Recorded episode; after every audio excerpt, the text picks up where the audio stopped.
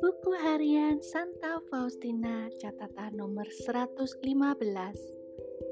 Sesudah keluar dari penderitaan-penderitaan ini, jiwa itu sungguh-sungguh rendah hati. Kemurnian jiwanya luar biasa. Tanpa harus berpikir-pikir seperti biasanya, ia mengetahui dengan lebih baik apa yang harus ia laksanakan pada saat tertentu dan apa yang harus ia hindarkan ia dapat merasakan sentuhan rahmat yang paling halus sekalipun, dan ia sangat setia kepada Allah. Dari jauh, ia sudah mengenali Allah dan terus-menerus bersuka cita dalam Dia. Dengan sangat cepat, ia menemukan Allah dalam jiwa-jiwa lain dan dalam lingkungan pada umumnya. Jiwa itu sudah dimurnikan oleh Allah sendiri. Allah roh yang murni mengantar jiwa itu kepada suatu kehidupan yang sungguh-sungguh rohani. Allah sendiri sudah mempersiapkan dan memurnikan jiwa itu. Artinya, Ia telah membuat dia mampu bersatu erat dengan dirinya. Dalam penyerahan diri penuh cinta, jiwa itu bersatu dengan Tuhan secara rohani. Ia berbicara kepada Allah tanpa perlu mengungkapkan diri lewat indera. Allah memenuhi dia dengan terangnya. Budi yang telah diterangi dapat melihat dengan jelas dan dapat membedakan berbagai tingkat kehidupan rohani. Ia menyadari keadaan itu ketika kesatuannya dengan Allah belum sempurna.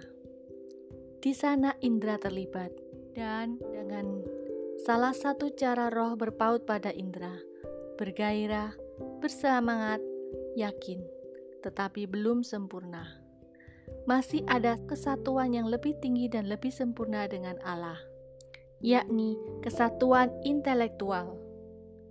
Di sini, jiwa lebih terbebas dari ilusi, hidup rohaninya lebih murni dan lebih mendalam.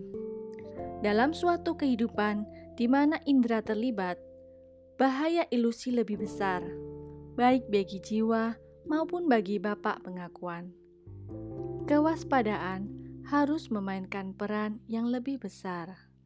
Ada saat-saat ketika Allah mengantar jiwa itu kepada suatu keadaan yang murni rohani. Semua indera memudar dan tampak sudah mati. Jiwa sangat erat bersatu dengan Allah. Ia tenggelam dalam kealahan pengetahuannya lengkap dan sempurna, tidak sporadis seperti sebelumnya, tetapi total dan mutlak.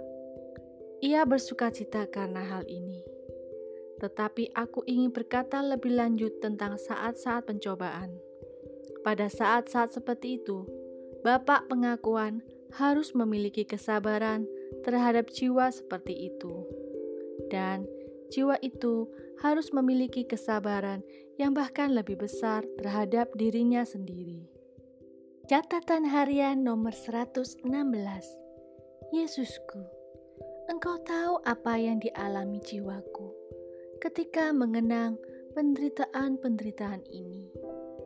Aku sudah sering merasa kagum bahwa para malaikat dan para kudus menjaga ketenangan mereka ketika melihat suatu jiwa sedang menderita seperti itu. Sungguh, mereka memiliki cinta istimewa bagi kita pada saat-saat seperti itu. Sudah sering jiwaku berteriak kepada Allah, seperti seorang anak kecil yang berteriak keras-keras ketika ibunya menutupi wajahnya, dan ia tidak dapat mengenalinya. Oh Yesusku, hormat dan kemuliaan bagimu, karena ujian-ujian cinta ini sungguh besar dan tak terselami kerahimanmu. Semuanya, oh Tuhan, yang kau inginkan bagi jiwaku, teresapilah oleh kerahimanmu. Catatan harian nomor 117 Di sini, aku ingin menyebutkan bahwa mereka yang tinggal bersama orang seperti itu hendaknya tidak menambah penderitaan-penderitaan lahiriah. Sebab sungguh barangkali piala jiwa itu sudah penuh, dan tetes yang kita tambahkan merupakan satu tetes yang berlebih, sehingga piala kepahitan akan meluap. Dan siapa yang akan bertanggung jawab atas jiwa seperti itu? Marilah kita waspada, jangan sampai menambah penderitaan orang lain, sebab hal itu tidak berkenan di hati Allah. Apabila para suster atau para superior tahu, atau bahkan menangkap isyarat bahwa suatu jiwa sedang mengalami cobaan-cobaan seperti itu, dan mereka toh masih menambahkan penderitaan-penderitaan lain.